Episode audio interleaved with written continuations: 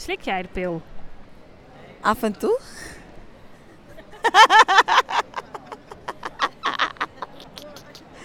ja. En weet jij als je de pil slikt wat er precies gebeurt in je lichaam? Weet je wat erin zit?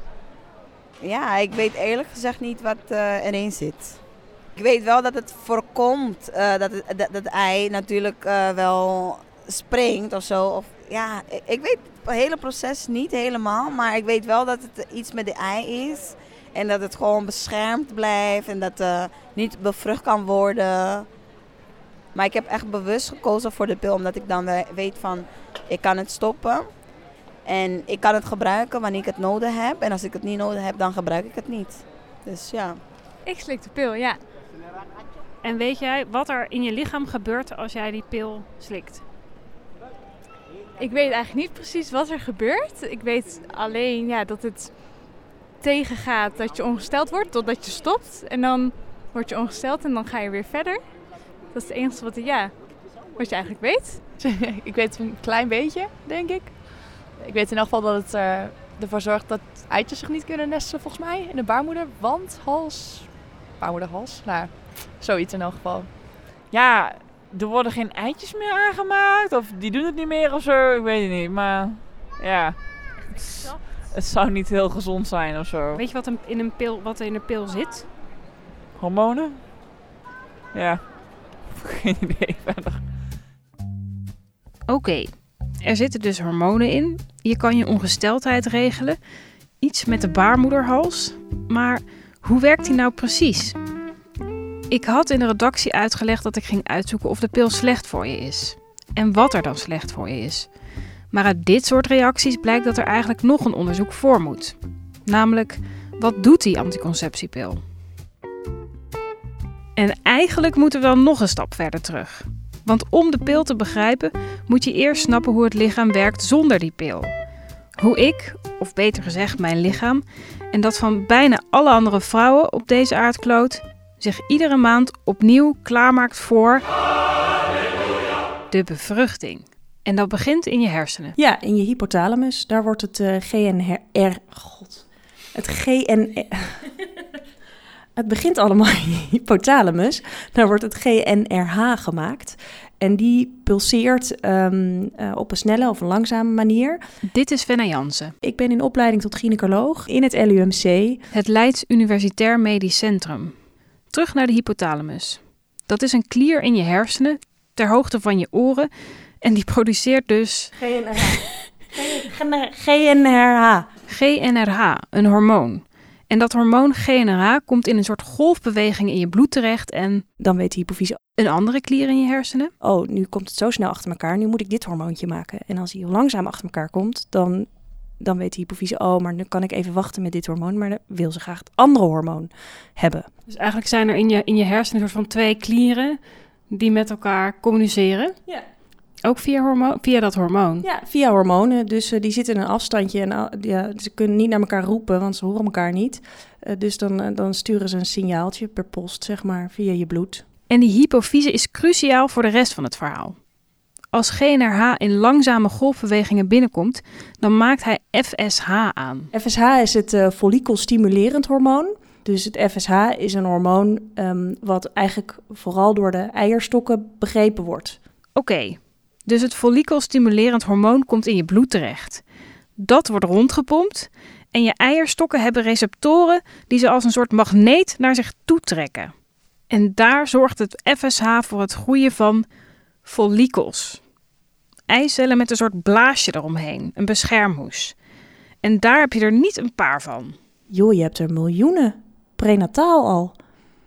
Miljoenen. Ja? Ik heb dus nu miljoenen eicellen in mijn eierstokken. Ja. Ja, en de meeste zijn gedoemd om te falen. Want de meeste mensen die krijgen niet miljoenen kinderen. Een aantal van die miljoenen follikels, wat ik echt een bizarre gedachte vind, gaan dus groeien. En tijdens dat groeien maken ze een ander hormoon aan, oestrogeen. En dat reist weer via het bloed, hop, terug naar de hypofyse, waar die ervoor zorgt dat er geen FSH meer aangemaakt wordt, maar LH, het luteiniserend hormoon. En dat reist weer hop via het bloed terug naar je eierstok. En het grootste follikel versmelt met de wand van de eierstok. En dat is de ijsprong. Heel veel mensen stellen zich dat dan voor als een soort van vulkaaneruptie. Pats, zo op. Dan schiet het, het eicelletje eruit, uit het eiblaasje. Maar volgens mij zijn de onderzoeken zo dat het... Het is volgens mij meer ook een soort van siepelen. Gewoon dat het dan...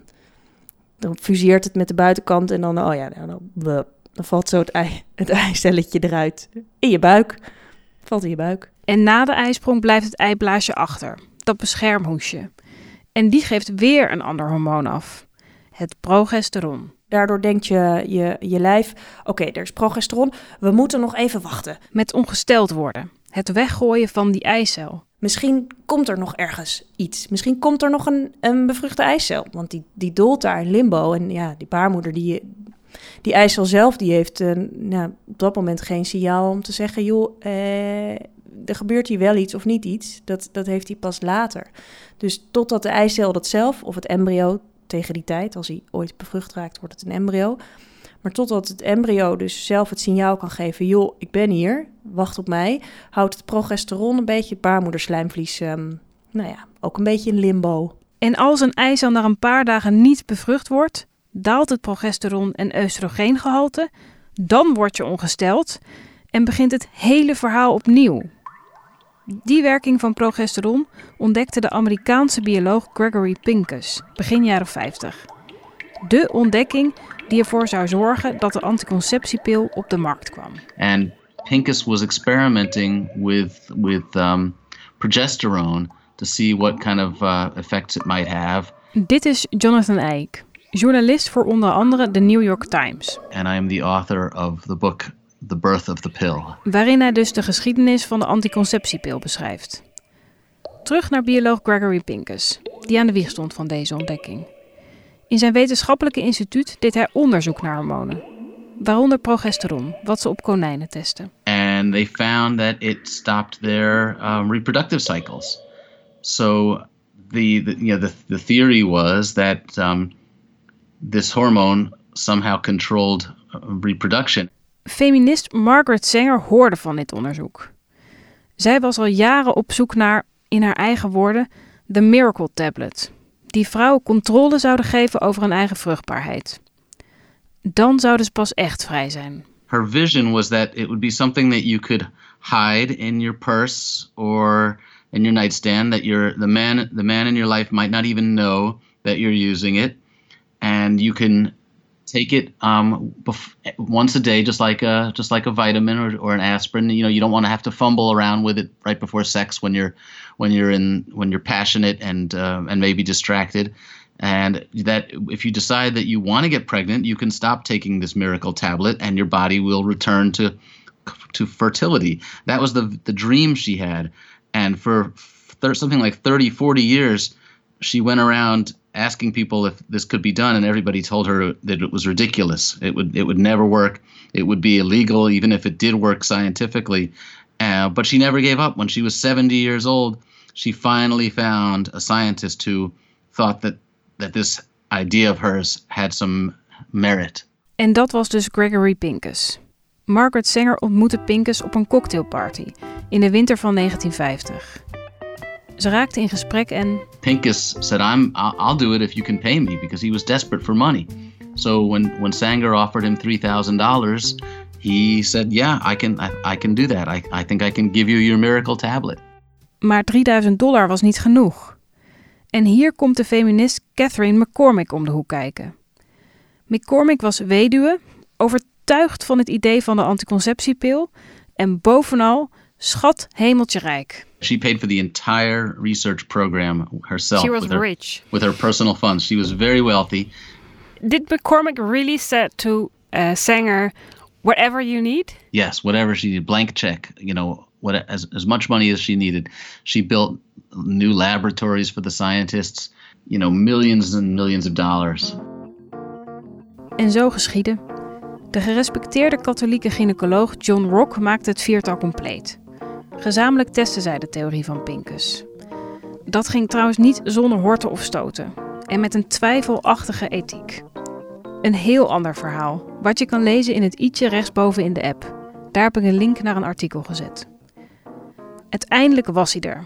Zes jaar later, in 1957, The Miracle Tablet, waar Margaret Sanger en Catherine McCormick al zo lang naar op zoek waren. Yeah, I love this story. It's it's the late 1960s, and Catherine McCormick uh, is in her 80s. She's living in California in this beautiful house in the hills overlooking the Pacific Ocean. And one day she calls her doctor and asks for a prescription for the birth control pill.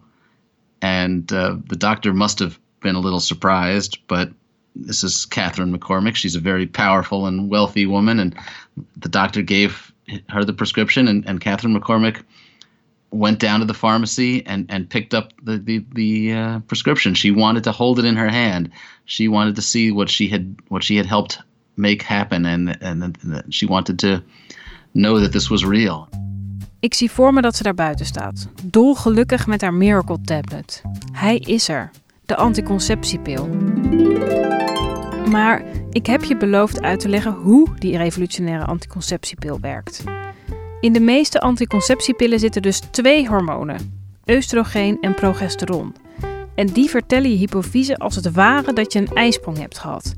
En dat er een eicel ergens rondzweeft die misschien nog wel bevrucht wordt.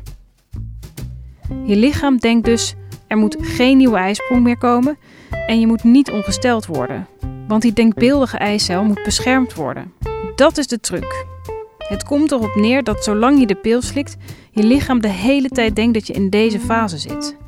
Er komt dus geen nieuwe ijsprong en geen menstruatie. Je hele cyclus ligt plat.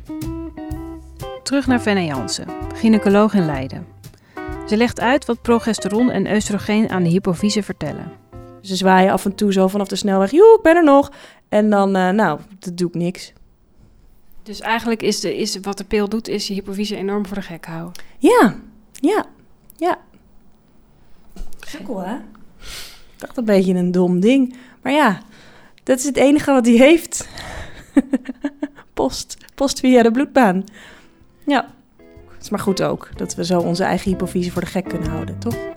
Toch? Ja, je bent niet meer vruchtbaar. Maar ik vraag me af wat die hormonen allemaal nog meer doen in je lichaam. Is het wel pill? Dat zoek ik de volgende keer uit. Doei!